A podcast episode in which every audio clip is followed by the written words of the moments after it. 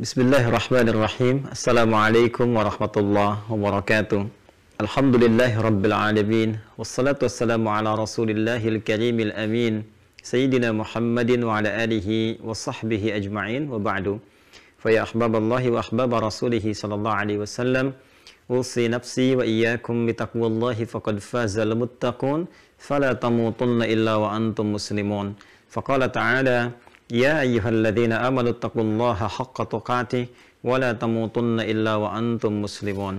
Pertemuan kali ini kita akan mencoba membahas tema yang diamanahkan kepada kami dari DKM Assalam, Pak Arif dan kawan-kawan tentang etos kerja dan keikhlasan dalam tinjauan Al-Quran dan Sunnah Nabi Sallallahu Alaihi Wasallam secara umum dalam tinjauan Islam. Kita akan membahas dulu beberapa hal terkait tema ini. Mengapa seorang manusia itu mesti bekerja? Ini hal dulu yang harus kita garis bawahi. Kemudian bagaimana cara bekerja yang baik? Kemudian yang ketiga seperti apa pekerjaan itu punya nilai di hadapan Allah Subhanahu wa taala. Karena penting kita pertanyakan, jangan-jangan puluhan tahun kita bekerja, kita tidak punya nilai, tidak punya bekal dalam penilaian Allah Subhanahu wa taala. Sedangkan hukum mengatakan perpindahan keberadaan kita di setiap tempat itu membutuhkan bekal. Anda sekarang terhubung dengan kita tadi dikatakan se-Indonesia. Sekarang kalau mau rapat dari Jakarta ke Bandung atau misalnya ke Medan ke Surabaya, bukankah butuh bekal kita untuk berpindah kepada tempat itu? Bukankah harus ada yang disiapkan dalam menatap perjalanan kita, persiapannya, akomodasinya, dan sebagainya. Jadi Anda bisa bayangkan, berpindah ke tempat yang terbatas saja, masih dalam skala nasional di Indonesia, kita membutuhkan bekal yang cukup untuk menyukseskan pekerjaan kita. Sekarang, kita akan berpindah ke tempat yang lebih jauh lagi, dengan dimensi yang berbeda. Bekal apa yang akan kita bawa? Apakah pekerjaan yang kita tunaikan sekarang ini, materi yang kita dapatkan sampai kemudian kita wafat dan berpindah kepada tempat yang lain, itu adalah bekal yang sesungguhnya yang selama ini kita cari. Seperti apa pekerjaan yang kita lakukan punya nilai. Di saat yang bersamaan, yang dengan nilai itu menjadi sebuah bekal yang kita bawa pulang. Itu yang akan jadi concern kajian kita di siang hari ini dalam waktu yang sangat singkat dan padat. Mudah-mudahan ada poin-poin yang bermanfaat untuk kita semuanya. Baiklah, kita mulai dengan tinjauan yang pertama. Kenapa manusia bahkan umumnya mesti bekerja? Baik, manusia disebut dengan manusia itu memiliki tiga unsur utama pembentuknya. Dan ini standar, ya. Semua orang memahami dengan akal kita mengetahui. Disebut manusia tersusun dari tiga bagian. Kalau di kesehatan, di biologi, di kedokteran ada anatomi tubuh, ya. Kalau di spiritual, di keagamaan, di Islam khususnya itu ada anatomi manusia. Disebut manusia ada tiga unsur ya yang menyulam kemanusiaannya. Pertama ada fisiknya. Fisik dalam bahasa Arab disebut dengan jism. Segala yang terkait dengan fisik disebut dengan jasmani. Sudah diserap ke dalam bahasa Indonesia kita katakan jasmani. Senam kesehatan jasmani senam yang kita lakukan untuk membuat dan mensupport ya menstimulus supaya fisik kita sehat, memenuhi kebutuhan fisik. Kemudian ada yang kedua adalah rohnya. Roh ini motor penggeraknya, ya spiritnya, generatornya. Nggak mungkin ini fisik bisa bergerak, tubuh kita bisa bergerak kalau nggak ada rohnya. Segala yang terkait dengan roh disebut dengan rohani namanya. Kemudian yang ketiga, ada pengikat hubungan antara roh dengan fisik, yaitu akal. Akal ini nanti yang akan menerima informasi dari roh sekaligus perintah yang akan dieksekusi oleh fisik. Dan subhanallah, masya Allah, sepersekian detik saja Allah menciptakan sistem ini, ya sepersekian detik semua perintah berjalan dieksekusi. Dan ini mustahil ada yang bisa membuat seperti ini kecuali sang pencipta yang maha kuasa, yaitu Allah subhanahu wa ta'ala. Karena itu Allah menyebut dirinya di Quran dengan Khalik. Quran surah ke-15 ayat ke-28. Wa idh qala rabbuka lil malaikati inni khaliqun bashara. Akulah pencipta manusia itu dengan segala sistem yang berjalan di dalamnya. Nah, penciptaan ini tentunya Allah sempurnakan dengan pemenuhan nutrisi dan bekal-bekalnya. Ini kalau nggak diberikan nutrisinya, seperti Anda lebih mengetahui ya dalam ilmu kesehatan, ini manusia kalau nggak dapat nutrisinya, nggak bisa berkembang berkehidupan. Lemah dia, bahkan bisa kemudian menghadirkan pada kematian. Nah, maka tiga elemen ini, tiga unsur ini, dia butuh kemudian supportnya, butuh nutrisinya, dan semua akan saling bersinergi, berpadu, nggak bisa terpisah sendiri. Hilang salah satu, maka hilang fungsi kemanusiaannya. Rohnya hilang, maka meninggal dia. Kan? Akalnya hilang, jadi hewan dia ya uh, hewan itu kan cuma roh dengan fisik yang nggak ada akalnya. Ya akal dengan roh saja fisik nggak ada. Ya gentayangan namanya gitu kan? Uh, maka ketiganya mesti ada hadir berpadu dan terpenuhi kebutuhannya baik kita bicara tentang roh roh butuh nutrisi roh butuh makanan apa nutrisinya nutrisinya adalah ibadah ya Quran surah ke 17 misalnya Al-Isra ayat 85 wa yas'alunaka 'anir roh Mereka banyak bertanya kepada Muhammad SAW tentang esensi roh. Apa hakikatnya? Apa kebutuhannya? Kulir roh min amri rabbi. Katakan semua urusan terkait dengan roh itu, itu semua sumbernya ada dari Allah Subhanahu Wa Taala. Allah yang maha mengetahui. Karena dari Allah, kebutuhannya pun Allah siapkan khusus. Ya, makanya roh mesti dapat nutrisi. Kalau dia nggak diberikan nutrisinya, lemah dia, gelisah dia. Ya, roh itu sampai ke dalam diri kita menjadi nafas namanya. Jadi kalau sudah sampai kepada fisik menyatu, jadi nafas. Diserap ke dalam bahasa Indonesia menjadi bernafas. Ya, dengan nafas itu muncul kehidupan. Quran surah ke-91 Asy-Syams di ayat 7 sampai dengan ayat 10. Wa nafsin wa ma sawwaha dan demi nafas yang sempurna tercipta. Kapan? Saat ruh masuk ke dalam tubuh kita. Quran surah 15 di ayat ke-28 sampai 30-nya. Ya wa idz qala rabbuka lil malaikati inni khaliqum bashara min salsalin min hama'in masnun fa idza sawaituhu wa nafakhtu fihi min ruhi. Di ketika rohnya masuk sempurna keadaannya itu. Jadi bernafas dia. Nah ini butuh nutrisi, butuh support. Nafas tempatnya di dalam kolbu. Ya, kolbu. Di dalam kolbu inilah ada unsur kehidupan kita, bukan hati dalam konteks fisik ya, tapi ini titik spiritual yang menggerakkan kehidupan kita. Di kolbu ini, teman-teman sekalian, saudara-saudariku, itu bersemayam nafas di dalamnya. Kalau enggak kita berikan nutrisinya, maka dia bisa menjadi melemah, bahkan bisa berpenyakit. Maka muncul yang disebut dengan penyakit hati, malas, gelisah, ada ria, ada sombong, ada iri hati, dengki. Itu penyakitnya penyakit spiritual, roh di dalamnya, penyakit hati.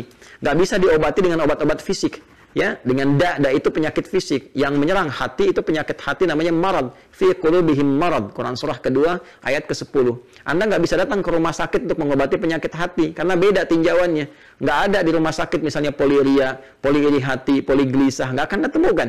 Ya kan? Itu kaitan dengan fisikal. Maka di situ kita dihidangkan menu-menu ibadah Ya, ada menu-menu seperti apa misalnya sholat, interaksi dengan Al-Quran, puasa, haji. Itu memberikan kemudian support kepada roh, nutrisi untuk roh. Nah, setelah dapat nutrisi itu ada ketenangan dalam jiwa. Ketenangan ini yang membimbing kita untuk berkreasi dalam kehidupan. Karena itulah ketika ibadah kita diminta untuk menunaikan dengan sempurna dan hasilnya ketenangan. Ya, ketenangan itu bermanfaat untuk hati. Quran surah ke-13 ayat ke-28. Ala bidzikrillahi tatmainnul qulub. Yakinkan pada dirimu dengan berzikir, dengan beribadah kepada Allah, dampaknya ke hati menjadi tenang. Supportnya kepada fisik menjadi kuat. Baik, kemudian juga akal kita butuh nutrisi, teman-teman sekalian. Apa nutrisinya? Pengetahuan, ilmu, penting bagi kita belajar. Karena itu banyak ayat-ayat turun mensupport kita supaya menajamkan pengetahuan untuk membimbing fisik beraktivitas. Anda nggak mungkin bisa bekerja secara fisikal kalau nggak ada basic ilmunya. Kan untuk masuk kimia farma juga mesti ada ukurannya. Parameter pertamanya apa? Ilmu. Apa ijazahnya? Apa background pendidikannya? Ya, karena itu ayat pertama turun ikra, baca. Afala tatadhakkarun, afala tatafakkarun, afala tadabbarun. Apakah engkau tidak banyak menganalisis, banyak mengamati, banyak mencerna, banyak belajar, banyak meriset. Itu banyak ayat di Al-Qur'an mensupport kita untuk memenuhi nutrisi akal kita supaya logikanya jalan ya. Logika itu kan nggak mungkin bisa digunakan kalau nggak ada support data. Data berubah menjadi informasi informasi berubah menjadi pengetahuan. Dan inilah nutrisi yang dibutuhkan oleh akal sama fisik. Kalau ini kita sudah paham semua. Fisik pun butuh nutrisi, butuh makanannya. Kalau nggak diasupi dengan makanan yang benar, gitu kan, dengan nutrisi yang sehat, yang baik, tentu akan lemah juga.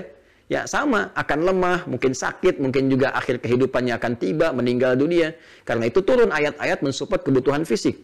Apa di antaranya? Turun Quran surah kedua Al-Baqarah ayat 168.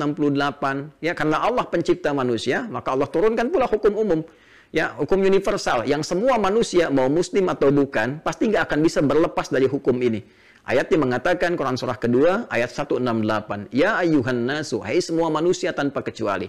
Nanti kalau spesifik untuk orang yang telah beriman, umat Islam khususnya, nanti panggilannya spesifik menggunakan kata iman. Ya ayyuhalladzina amanu. Itu menunjukkan hal yang khusus. Tapi kalau hukumnya berlaku umum, maka Allah panggil dengan kata ya ayuhan nas. Semua manusia tanpa kecuali. Panggilannya menjangkau semua kawasan pakai ya. Disebutkan 360 kali dalam Al-Quran ya kan? Di mana pun Anda berada, merasa jauh, merasa dekat, ya semua ayat ini berfungsi untuk seluruhnya. Ayyuha disebutkan 150 kali dalam Al-Quran, memberikan hukum kekuatan sekaligus pengingat. Kata Allah, aku tegaskan, aku ingatkan. Semua manusia itu perlu memenuhi kebutuhan fisiknya. Kulu mimma fil ardi halalan tayyibah.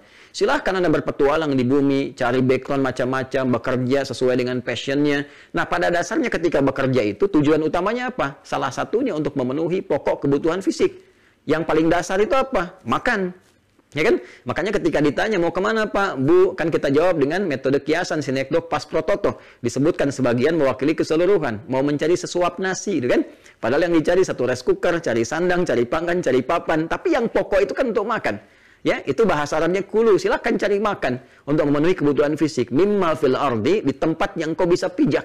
Jadi tersebar di bumi silakan nggak ada di Bandung ke Jakarta, nggak ada di Jakarta ke Medan, nggak ada Medan di Surabaya, terus dicari sampai ke luar negeri untuk mendapatkan kebutuhan apa? Fisik. Dengan cara bagaimana? Halalan, mencari dengan cara yang legal. Kalau tidak legal bermasalah nanti. Makanya perhatikan hukumnya. Di keluarga besar kimia farma ada aturan ikuti. Tidak diikuti aturannya bermasalah. Di tata negara kita ada aturan diikuti, tidak diikuti bermasalah. Di hukum syariat kita pun ada aturan, ya kan? Maka diikuti, kalau tidak bermasalah secara spiritual. Maka di sini halalan kalau sudah dapat kemudian yang dihasilkan itu dapat gaji, dapat honor, dapat macam-macam dengan cara yang benar, maka salurkan itu untuk mencari yang dibutuhkan oleh fisik. Ya, tayyib itu kebutuhan untuk menguatkan fisik. Jadi kata Al-Quran, nggak semua yang diinginkan itu mesti didapatkan. Kita ingin, tapi nggak baik buat tubuh. Alangkah lebih bagus kalau mencari yang lain sesuai dengan yang dibutuhkan. Itulah konsepsi halal dan thayyibah. Jadi, fisik itu butuh penguatan nutrisi, kemudian akal juga butuh penguatan nutrisi lewat pengetahuan, roh juga butuh. Nah, bagaimana cara yang ideal kita memenuhi kebutuhan itu dalam konteks kita mencari, mendapatkan ya kebutuhan fisik, tapi juga ada kebutuhan rohnya terpenuhi, sekaligus akalnya juga sempurna. Ini akan kita padukan melalui semangat yang kuat. Dalam bahasa Yunani disebut dengan etos. Etos itu kan watak, karakter, semangat yang tinggi. Kita tarik ke pekerjaan. Pekerjaan itu kan pengamalan dari perintah Al-Quran. Ya, kata kerja, verb. Ya, kata perintahnya muncul Ya, kulu, silahkan kau beraktivitas, silahkan bekerja. Bagaimana kerja yang menimbulkan semangat, seperti apa konsepsinya, dan saat yang bersamaan pekerjaan yang dilakukan memenuhi kebutuhan spiritual yang dengan bekal itulah dibawa pulang menghadap kepada Allah Subhanahu wa taala. Jadi kalau cuma bekal fisik masuk ke mulut, ya kemudian keluar jadi kotoran dan selesai. Yang dipakai pun akan usang. Baju yang dipakai saat balita, apakah sekarang dikenakan saat menjadi petugas di kimia farma? Dengan jabatan-jabatan tertentu kan tidak. Jadi semua yang kita kenakan akan berakhir. Bahkan di kain kafan itu pun nggak ada kantongnya. Apa yang kita cari sekarang nggak bisa dikantongi lagi gitu. Lantas pulang ke akhirat cari bekal apa?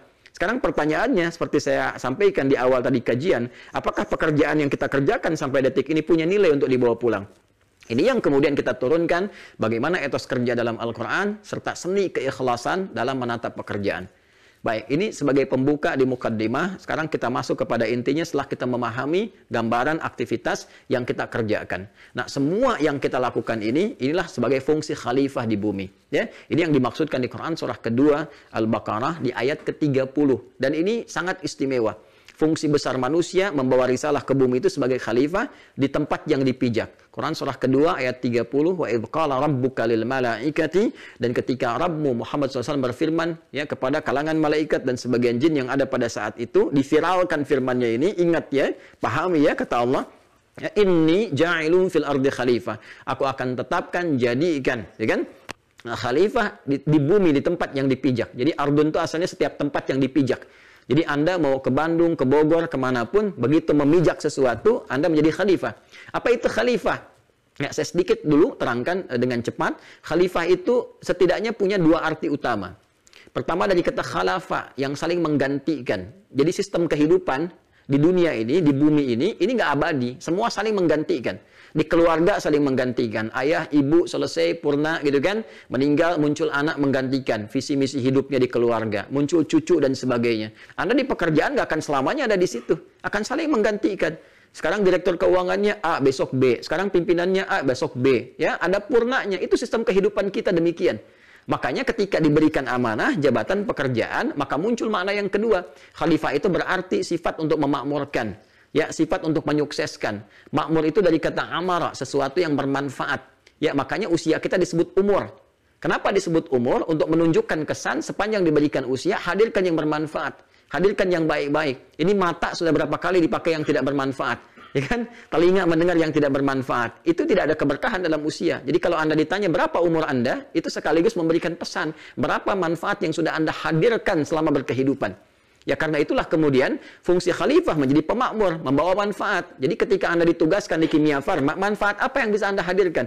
Bukan hanya untuk perusahaan, ya untuk bangsa, untuk negara, untuk masyarakat sehingga kita punya legasi di situ, sekaligus juga punya hal yang dititipkan sebagai sejarah kehidupan kita. Nanti sisi lainnya sebagai bekal pula menghadap Allah Subhanahu wa taala. Kemudian punya juga makna kesuksesan. Di mana pun bekerja sampai ke titik yang tertinggi yang sukses, yang baik, capaian tertinggi. Jangan tanggung. Anda bekerja di mana, capai yang paling tertinggi sesuai dengan background ilmu yang telah kita dapati. Itu risalah keislaman kita. Ya, risalah Al-Quran. Apa pun yang kita kemudian diamanahkan oleh Allah untuk kita lakukan, capai dengan capaian tertinggi. Pasang target yang maksimal. Sehingga kita tersupport untuk menampilkan yang terbaik dalam kehidupan.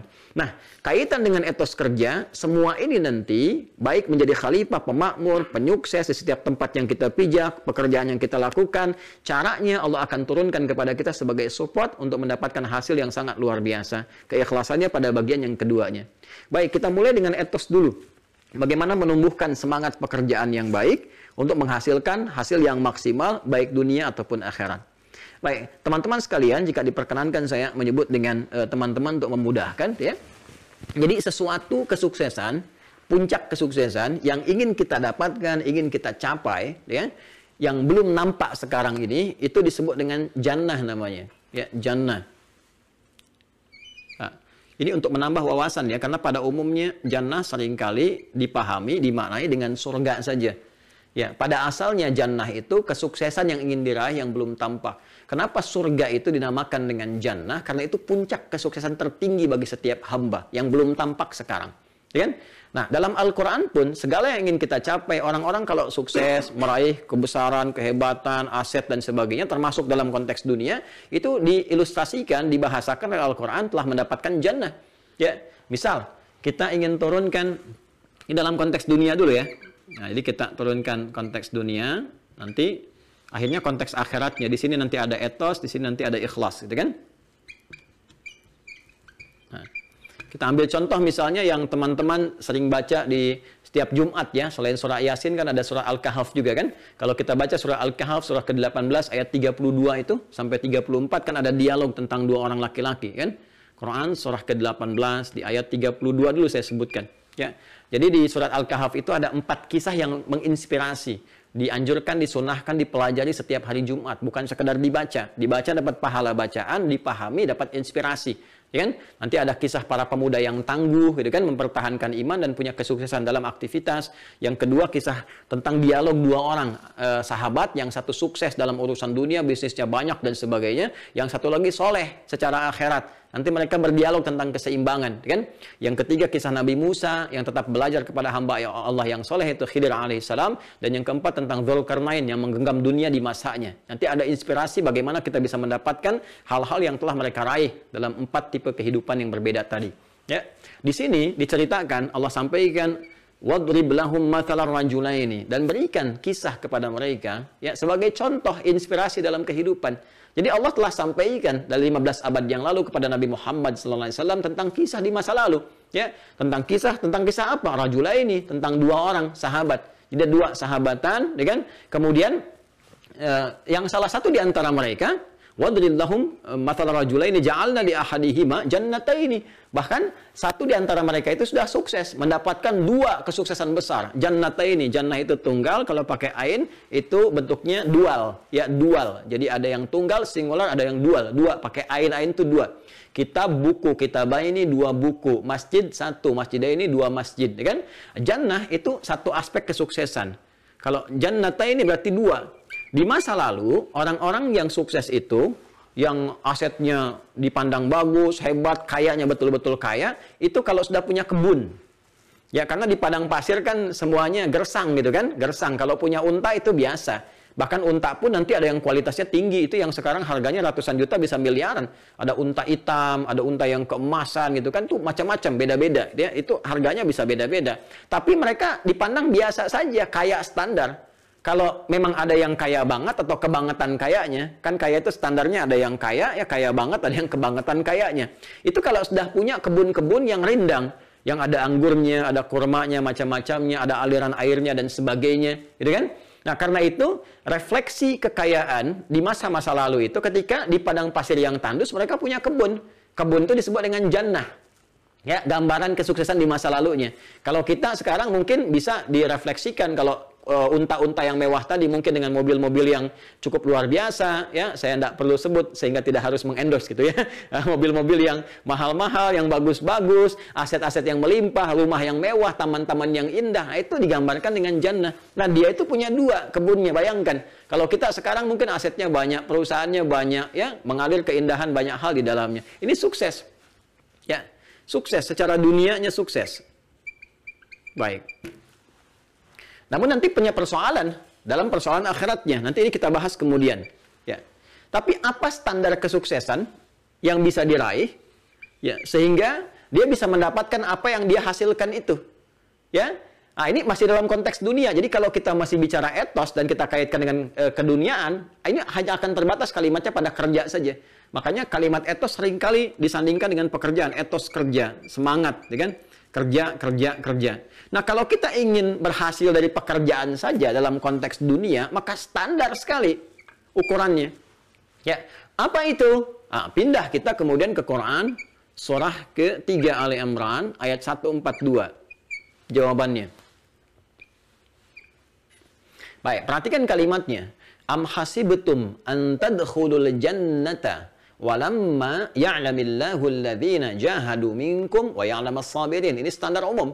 Apa Anda duga Anda akan sukses begitu saja, termasuk dalam konteks pekerjaan Anda sekarang, ya kan? Di kimia farma, apakah akan menghasilkan target yang telah Anda tentukan di awal, sukses tiba-tiba, kemudian kan dapat meraih ini capaian, kemudian dapat tercapai dengan bagus, targetnya maksimal. Apakah mudah itu diraih? Seperti membalik telapak tangan? Ya, apalagi pengen surga gitu kan, yang dimensinya berbeda, yang lebih besar lagi tingkatannya, apakah mudah begitu saya didapatkan?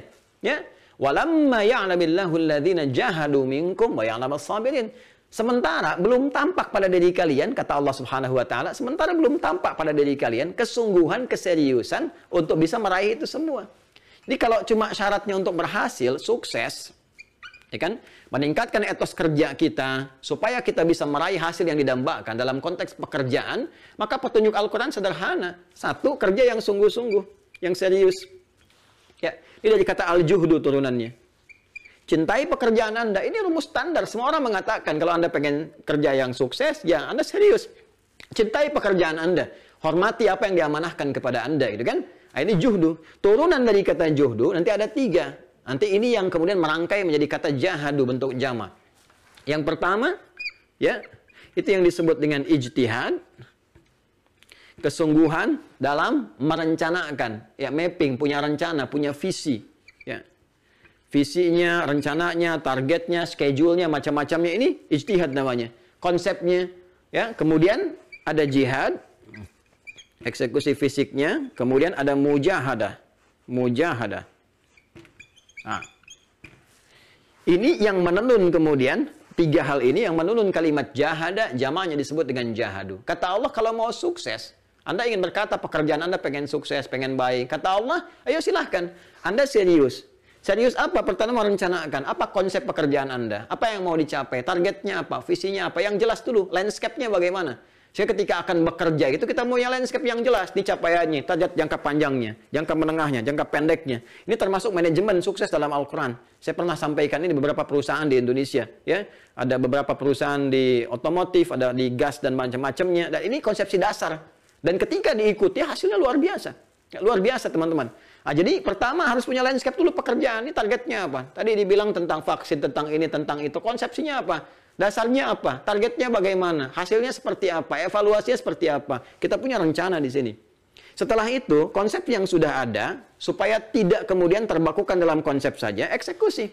Dengan jihad. Jihad itu perjuangan fisik, kesungguhan dalam mengeksekusi rencana-rencana yang sudah disiapkan. Itu asalnya demikian, secara fisikal. Ya, makanya perjuangan tertingginya ya membela sesuatu yang sudah disiapkan, direncanakan, terkonsepsikan, kemudian diserang orang, ya ada pembelaan secara fisik disebut dengan jihad. Itu tingkat tertingginya di militer itu ada aksi militer untuk membela. Jadi jihad secara fisik itu bukan menyerang dengan uh, asal-asalan tidak, ya, bukan nembak orang, ngebom orang sembarangan tidak. Karena itu kalau Anda mohon maaf ya, mendengar informasi ada yang ngajak misalnya menghukumi tertentu tanpa dasar, tembak anu, bom anu walaupun membawa nilai-nilai agama yang disematkan tinggalkan itu jauh, ya. Itu jauh sekali. Saya pernah uh, waktu ada kejadian bom jalan Tamrin itu dan semoga Allah menjaga kita semua tidak pernah terjadi lagi ya. Saya ada di Lampung, itu ditanya sama jemaah Ustaz, apakah uh, itu yang bom di jalan Tamrin termasuk jihad fisabilillah? Saya bilang, Mas, sependek pengetahuan saya, jihad fisabilillah itu jihad di jalan Allah, bukan di jalan Tamrin. Ya, jadi ada konsepsinya, ya ada ukuran-ukurannya gitu, ada kaidah-kaidahnya. Jadi jihad itu asalnya dia maknanya punya makna umum. Nanti spesifiknya terkait dengan pembelaan-pembelaan izzah ya yang dimotivasi oleh spirit agama, nanti bonusnya itu terkait dengan aspek kehidupan kita seperti kemerdekaan yang pernah kita dapatkan. Saya bahas kemarin tentang korelasi makna jihad, perjuangan dengan melahirkan kemerdekaan sampai diapresiasi di preambul Undang-Undang Dasar 1945 atas berkat rahmat Allah yang Maha Kuasa, gitu kan? Jadi kita pengen dan dengan didorongkan oleh keinginan luhur, pengen kita merdeka keinginan luhur. Ya, beratus-ratus tahun sudah masanya lama, tapi rahmat dan berkat Allah belum turun. Begitu kita berjuang dengan sungguh-sungguh turunlah itu. Nah, dalam konteks umum kepekerjaan, perjuangan fisik untuk mengeksekusi ide kita itu disebut jihad juga. Karena itu kalau Anda niatkan sebagai ibadah, itu dinilai sebagai jihad, jihad yang standar nantinya, ada pahalanya begitu keluar. Nah, ini perjuangan fisiknya. Di sini diterapkan job desk-nya apa, kemudian uh, eksekusinya bagaimana dan sebagainya. Terus jangan dikira ini mudah. Ya, kadang-kadang ada tantangan yang muncul dalam jiwa kita juga, ya. Eh, perjuangan untuk mengatasi sikap emosional kita. Mungkin ada beda pendapat, kadang-kadang malas, kadang-kadang gelisah, gitu kan? Kadang-kadang nggak stabil perasaan diri kita, ada pesimis, gitu kan? Melihat nih kayaknya prospeknya nggak bagus, terjadi kegelisahan dan sebagainya. Nah, ini perjuangan mengelola diri kita, emosi kita, disebut dengan mujahadah namanya. Ya, ini aspek emosinya, perjuangan mengelola emosi kita, perasaan kita, jiwa kita. Ini kalau kita bisa kelola ini semua, ya emosinya bagus, saling mengikat dengan baik, nggak ada nanti kecemburuan antara staf satu dengan yang lainnya, ada bagian divisi tertentu yang memberikan ketenangan kepada jiwa, pekerjaan ditata, evaluasinya bagus, ada R&D-nya, research and development-nya, kemudian ada evaluasinya, semua bergerak bersamaan, sungguh-sungguh, tinggal satu poin lagi, sabar. Ya, Anda kerjakan dengan baik, prosesnya dijalani dengan maksimal, ditunggu, sabar, telah berikhtiar, muncul. Wa nama sabirin, ditutup dengan sabar. Dan semua konsepsi ini dikerjakan oleh siapa pun, mau yang beriman, yang tidak beriman, ini serius dikerjakan sukses. Ya, Betapa Thomas Alva Edison berapa banyak percobaan kemudian dia bersabar dengan itu, ya kan? Dan dia menghasilkan sesuatu yang sekarang kita bisa rasakan. Kalau kita mau mengambil non muslim sebagai contoh. Ya, kalau yang muslim banyak sekali, bahkan jadi inspirasi ke barat. Bagaimana Avicenna itu sabar dari mulai menghafal Quran, dari mulai belajar atau didak kemudian sampai ke belajar di kedokteran sampai sekarang menginspirasi. Ya, Averroes dengan pemikirannya beliau seorang dokter bedah. Ibnu Rusdi itu dokter bedah itu. Ya, Ibnu Sina kapasitas selekta kedokteran beliau kuasai, tapi jangan salah, beliau pun ahli Quran. Hafal Quran, tahu tafsir, tahu hadis. Kalau lupa salat dua rakaat atau mengingat, ya, itu paham teori kedokteran. Ibnu Rusdi itu dokter bedah, ahli tafsir, ahli fikih dan punya kitab namanya Bidayatul Mujtahid. Dibahas sekarang di hampir semua strata pendidikan di Timur Tengah, bahkan di Indonesia. Bahkan sekarang di masjid-masjid. Ya, kita punya Al-Kindi, Al-Khawarizmi, Al-Battani, gitu kan? Jabir bin Hayyan dan sebagainya. Itu kalau kita serius, sukses. Nah, jadi kalau Anda bertanya bagaimana meningkatkan etos kerja dalam pandangan Al-Quran, kalau raihan hanya sekedar pekerjaan saja, ah ini Anda seriuslah bekerja. Kan? Serius bekerja, landscape-nya yang baik, visinya bagus. Ah, ini standar kita pun sudah tahu. ya Tinggal prakteknya berjalan nggak sepenuhnya seperti itu. Nah, sekarang pertanyaannya, apakah semua pekerjaan yang dihasilkan dengan konsepsi ini otomatis juga melahirkan nilai di hadapan Allah Subhanahu wa taala? Punya nilai nggak? Hmm? Ya kan? Jadi bekal nggak kita untuk menghadap Allah? Atau nilainya dunia saja? Nah, kan sementara kita mengetahui bahwa kita itu kan e, sifat kehidupan kan selalu berganti, berpindah. Kan sampai ujungnya nggak pindah lagi. Ujung yang nggak pindah lagi disebut dengan akhirat namanya ini. Ujung yang tidak pindah lagi. Selama di dunia berpotensi pindah. Tidurnya sekarang di kasur, besok di sofa. Kadang di rumah, kadang di kantor. Itu sifat dunia biasa. Kan bahkan pindah tempat. Sekarang di Bandung, besok di Jakarta. Itu dunia. Dan itu butuh bekal. Nah sekarang nanti pada saatnya kita akan berpindah ke alam yang nggak ada pindah lagi. Yaitu akhirat. Bekalnya pun berbeda. Untuk mendapatkan bekal ini, ini perlu nilai. Ya, perlu nilai. Nilai yang berbeda. Jadi saat dikerjakan, saat yang bersamaan, dia punya nilai akhiratnya. Nah, konsepsi untuk menjadikan pekerjaan dunia yang saat bersamaan punya nilai akhirat, itu disebut ibadah namanya. Ya. Jadi jangan dibatasi ibadah itu pada konsep ritual saja, semacam sholat misalnya, ya itu ritual. Baca Quran itu ritual, tapi jangan lupa ada ibadah juga yang praktikalnya terkait dengan tata kelola kehidupan kita. Secara sosial, Ya itu semua pekerjaan kita berpotensi jadi ibadah karena Allah pun sudah menegaskan. Anda bertanya konsepsi ibadah dalam Al-Qur'an, ya. Konsepsi berkehidupan. Allah turunkan Quran surah ke-51 Adz-Dzariyat di ayat 56. Wa ma khalaqtul jinna wal insa illa liya'buduni. Dan tidaklah aku jadikan seluruh aktivitas manusia itu apa pun yang dikerjakan kecuali dia punya tujuan menjadikannya sebagai ibadah kepadaku. Jadi sebetulnya semua pekerjaan kita itu yang bernilai baik, itu bisa menjadi ibadah. Ya. Dan saat semua menjadi ibadah ini, teman-teman sekalian, maka pekerjaan kita akan punya nilai, ya, punya perubahan warna, punya pandangan tersendiri dari Allah. Pekerjaan dalam bahasa Arab disebut dengan amal namanya. Amal. Amila ya'malu amalan. Amal. Amal itu pekerjaan. Ya, kerja itu amal. Saya sedang beramal, sedang bekerja namanya. Oke? Okay? Nah, ketika pekerjaan ini kemudian diisi dengan nilai ibadah, maka dia akan punya nilai di sisi Allah diapresiasi yang menandakan dia punya nilai tertentu untuk bekal pulang. Ya, apa nilai yang Allah berikan kepada amal ini dinilai oleh Allah sebagai sesuatu yang baik. Sesuatu yang baik menjadi ibadah disebut namanya dengan saleh. Saleh. Kita sebut dengan saleh, gitu kan? Saleh. Ya, maka muncul istilah amal saleh. Di ada amal saja, ada amal solih. Itu berbeda, teman-teman. Kalau amal saja itu pekerjaan, rutin sifatnya, netral dia. Ya, Anda bekerja, tidak bersentuhan dengan yang haram, nggak melanggar gitu kan dan sebagainya. Tapi kerja aja, nggak ada niat yang lain. Itu pekerjaan, rutinitas namanya. Berangkat gelap, pulang gelap. Ya, nggak ada perbedaan. Jadi Anda nggak bisa bedakan antara yang beriman dengan yang belum beriman. Terus peran iman Anda di mana? Ya kan? Saat kita pulang kan iman yang menentukan. Maka bagaimana pekerjaan ini punya kualitas di sisi Allah Subhanahu wa taala yang dengan kualitas itu otomatis akan memberikan dampak juga kepada aspek dunianya. Ya, maka dinilailah oleh Allah jadikan itu ibadah sehingga menjadi soleh. Karena itu di dalam Al-Quran kata iman sering kali bersanding dengan amal soleh. Ya, ini sebentar lagi mau asar kan? Ada surat Al-Asr, surah 103. Wal asr, innal insana lafi khusr. Illa alladhina amanu wa amilus salihat.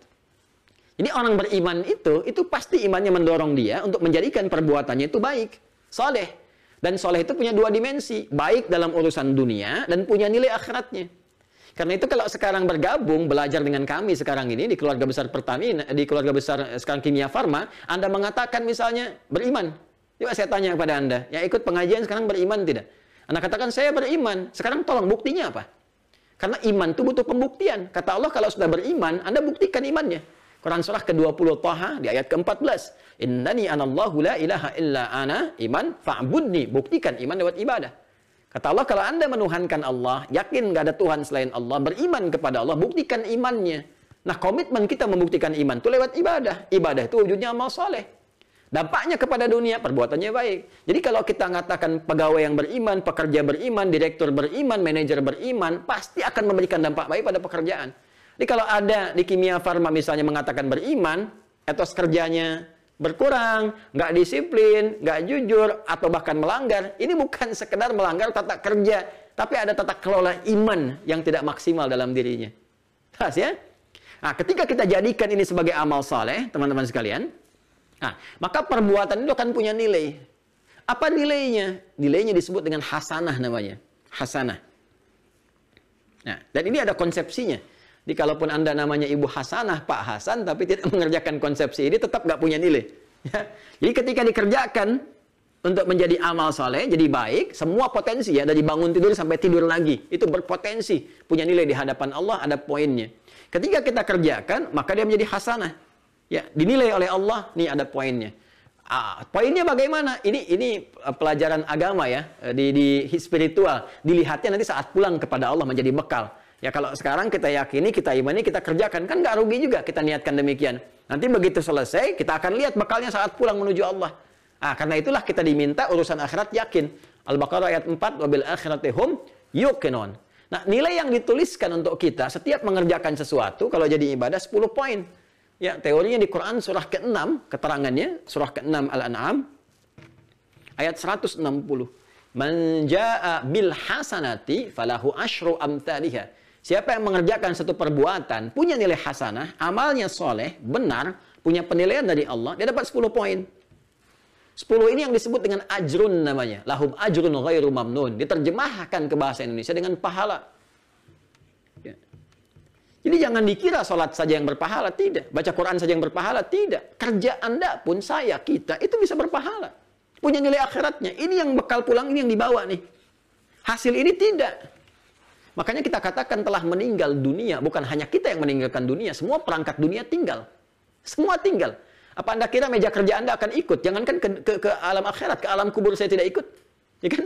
Ah, tidak akan tidak akan dilepas dengan semua perangkat dunia. Cukup dibalut dengan kain kafan, selesai diantar ke kuburan, dengan apa yang dipertaruhkan? Dipertaruhkan ini amal solehnya. Ya kan? Punya ini enggak saat untuk pulang nanti itu? Nah, itu setiap dikerjakan 10 poinnya. Tergantung amalannya nanti. Jangan menghitung begini. Satu, dua, tiga terlalu kecil.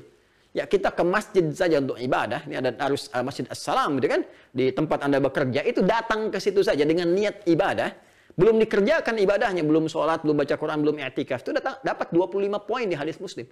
Jarak satu keduanya 500 tahun. Dua ketiga 500 tahun. Banyak sekali. Kita lihat nanti saat saat kembali kepada Allah. Ditampakkan saat uh, akan meninggal dalam sakarat gitu kan. Itu sakarat itu akan nanti ada kebiasaan yang kita kerjakan. Orang yang biasa maksiat akan dengan maksiatnya. Orang biasa meracau akan dengan kekacauan kata-katanya. Orang yang biasa beramal dengan baik akan lahir dengan kebaikannya. Karena itu ketika dia wafat nanti akan wafat ditampakkan amalnya. Bahagia dia, senang, tenang dia, nyaman, senyum dia. Itu yang disebut husnul khatimah. Ya ayat Tuhan nafsul mutmainnah jiwa yang tenang, tenang, nyaman karena diperlihatkan. Ya. Pak, jelas ya? Nampak ya? Nah, ini ini gambaran konsepsinya teman-teman sekalian. Karena itu kita sering berdoa, doa yang standar, yang general bahkan, sifatnya umum kita mohonkan supaya perbuatan semua pekerjaan kita di dunia yang baik itu jadi punya poin, jadi hasanah. Dan ini bisa kita lihat di akhirat, ketemu hasanahnya di akhirat. Kita berdoa dan doanya diajarkan di Quran surah kedua Al-Baqarah ayat 201 di paling kanan sebelah bawah di mushaf standar. Wa minhum dan di antara manusia itu mayyaqulu ada yang sering kali bermohon berdoa kepada Allah untuk dibimbing. Dia mengatakan Rabbana atina fid dunya hasanah. Wa fil akhirati hasanah wa qina adzabannar. Ya Allah mohon bimbing kami untuk menjadikan berikan kepada kami bimbingan untuk menjadikan semua pekerjaan dunia kami punya poin akhirat. Dan di akhirat itu hasanah itu akan tampak lagi ya Allah, ya kan? Dan di situ kami mendapatkan rahmat menjauhkan kami dari ancaman-ancaman nerakamu. Itu gambarannya. Nah, sekarang pertanyaannya, bagaimana satu satu pekerjaan itu amal menjadi soleh, menjadi ibadah, punya nilai hasanah, dapat pahala, pulang menghadap Allah, Anda bekerja, pahala dapat, meninggal pulang punya bekal. Kan? Maka diteruskan ayatnya. Kalau tadi di Quran surah 51 ayat 56 Allah menyampaikan ini, Wa ma khalaqtul jinna wal insa illa liya'budun. Tidaklah aku jadikan jin dan manusia, biarkan jin dengan alamnya, kita bicara alam kemanusiaan, ya. Jadi kalau kita bawa spiritnya ke manusia saja, gitu kan? Tidaklah aku ciptakan manusia itu kecuali untuk menata kelola kehidupannya jadi ibadah supaya punya dua poin sekaligus. Nah, bagaimana cara ibadah yang benar itu? Maka dijawab di Quran surah ke-98 Al-Bayyinah di ayat kelima. Ya, dijawab, "Wa ma umiru" dan tidaklah mereka diperintahkan dalam beraktivitas itu illa liya'budullaha kecuali untuk menjadikan semua kegiatan itu sebagai ibadah karena Allah, diniatkan karena Allah. Satu, niat lillah. Niat karena Allah. Ini. Yang kedua, mukhlisin lahuddin. Mukhlis itu orangnya, orang yang ikhlas. Jadi frame-nya itu rumusnya IA, ya kan? IA. Kalau ada IA, IA itu frame-nya, keadaannya. Orangnya itu rumusnya MUI, MUI. Jadi kalau Anda temukan IA, IA, pasti orangnya UI. Ya. IA ikhlas, orangnya mukhlis. Ihsan, orangnya muhsin. Iman, orangnya mukmin. Islam, orangnya muslim. Gampang ya? Gampang ya bahasa Arab gampang kan? Nah, jadi ikhlas Ya, itu frame-nya, gambarannya, spirit keadaannya. Orang yang mukhlis, kata Allah, nggak diperintahkan kita, kecuali untuk menjadikan tata kelola kehidupan ibadah kita itu sebagai ibadah. Ya, pertama niatkan karena Allah, kedua tunaikan dengan ikhlas. Ya. Ini dikuatkan di hadis Nabi riwayat Al Bukhari, Kitab Badul Wahyi nomor hadis yang pertama. Ya dari Umar bin Khattab radhiyallahu taala anhu beliau menyampaikan kalau kalau Rasulullah wasallam bersabda, perhatikan kalimatnya, innamal a'malu.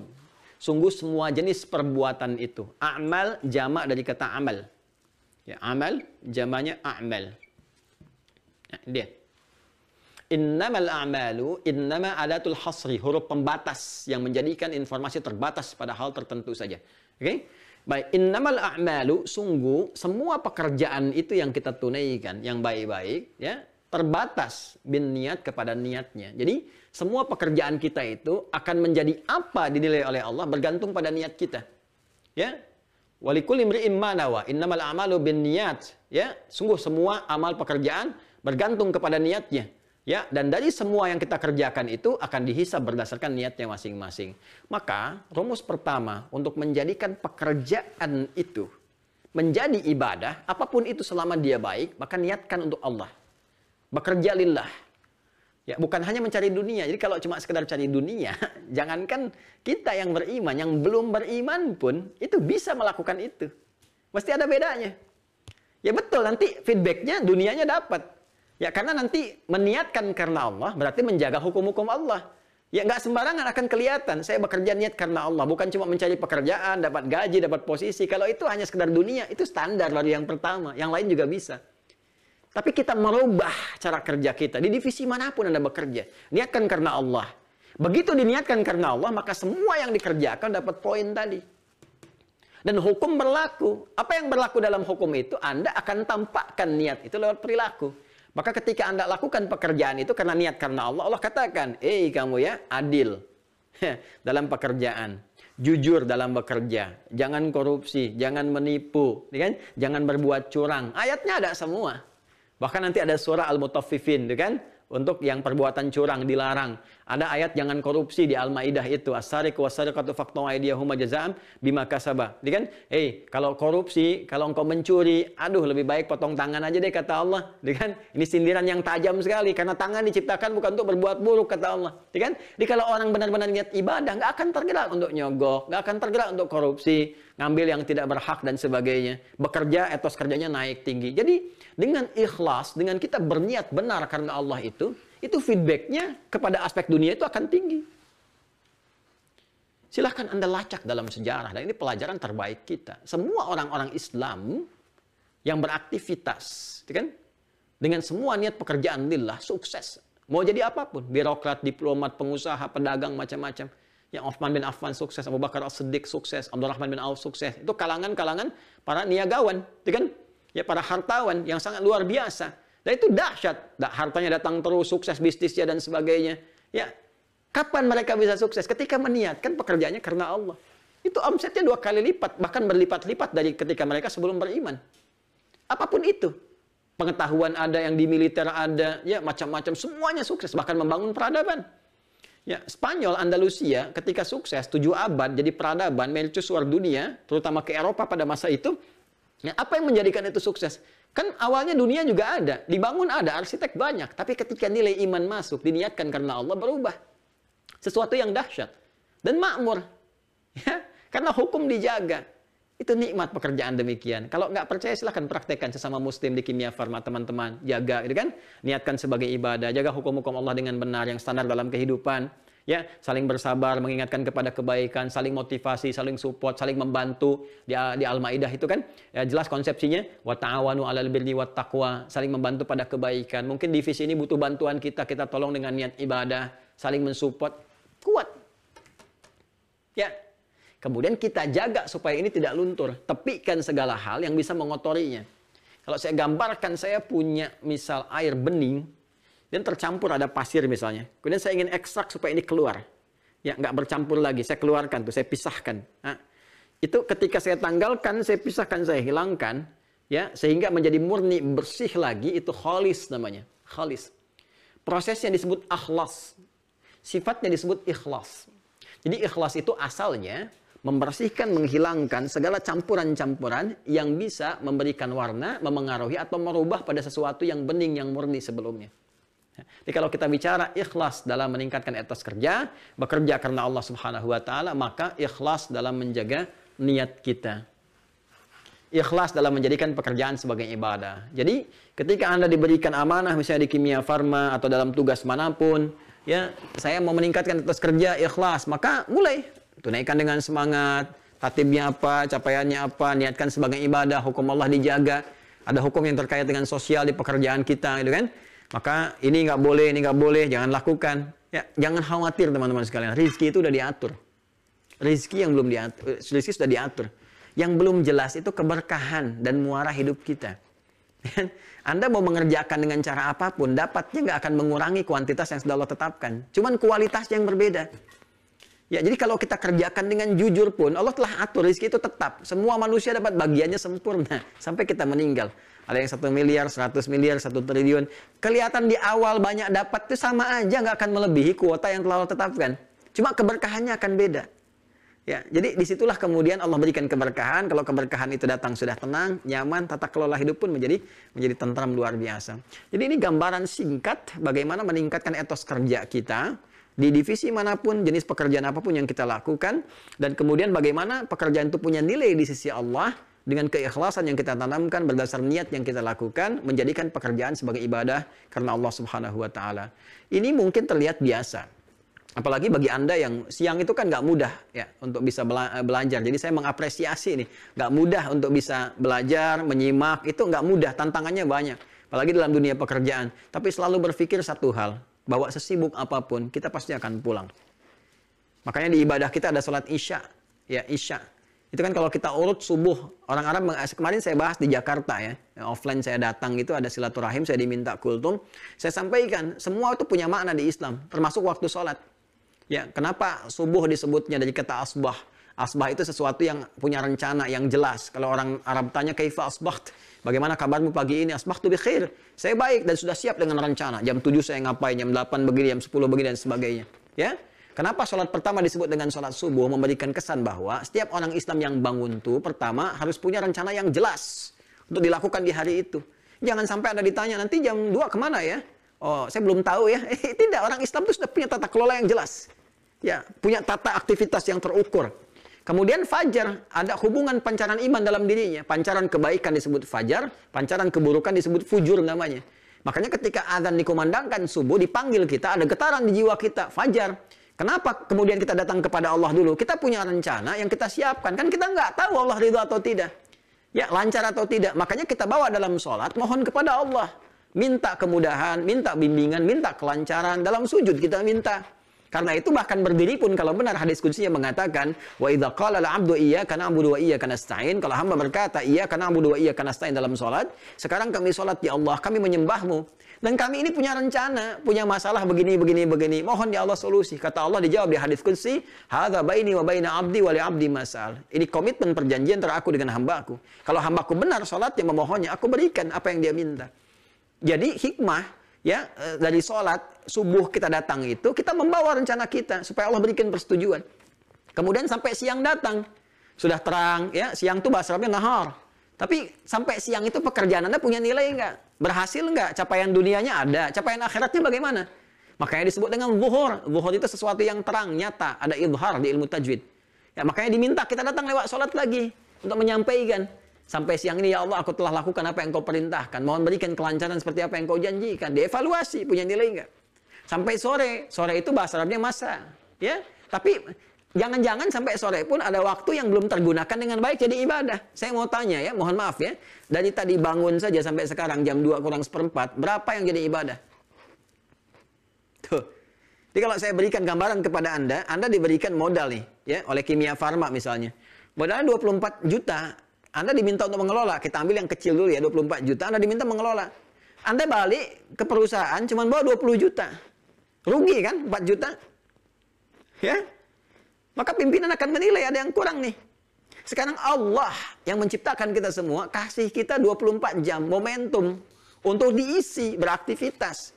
Aktivitas ini mesti punya nilai sebagai bekal pulang saat kita meninggal pulang kepada Allah. Nah, momentum yang diberikan untuk diisi beraktivitas itu asar namanya.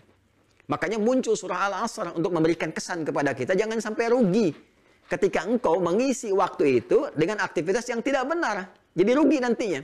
Nama manusia yang ditunjuk untuk mewakili aktivitasnya disebut insan namanya. Disebutkan 65 kali dalam Al-Quran. Maka perhatikan surah 103 Al-Asr. Wal Asr. Kata Allah demi waktu, momentum yang aku berikan pada manusia untuk mengisi dengan beraktivitas. Innal insana lafi khusr. Sungguh manusia yang beraktivitas dari bangun tidur sampai tidur itu berpotensi rugi karena aku berikan modal 24 jam dalam sehari sampai datang ajal tapi dia tidak gunakan itu untuk menata aktivitas sehingga punya poin pulang kan makanya Allah katakan illa kecuali illalladzina amanu wa amilus salihat Tuh, muncul lagi. Kecuali orang yang mengisi itu dengan iman, pancaran iman itu mendorong dia berbuat baik, jadi ibadah, jadi amal soleh.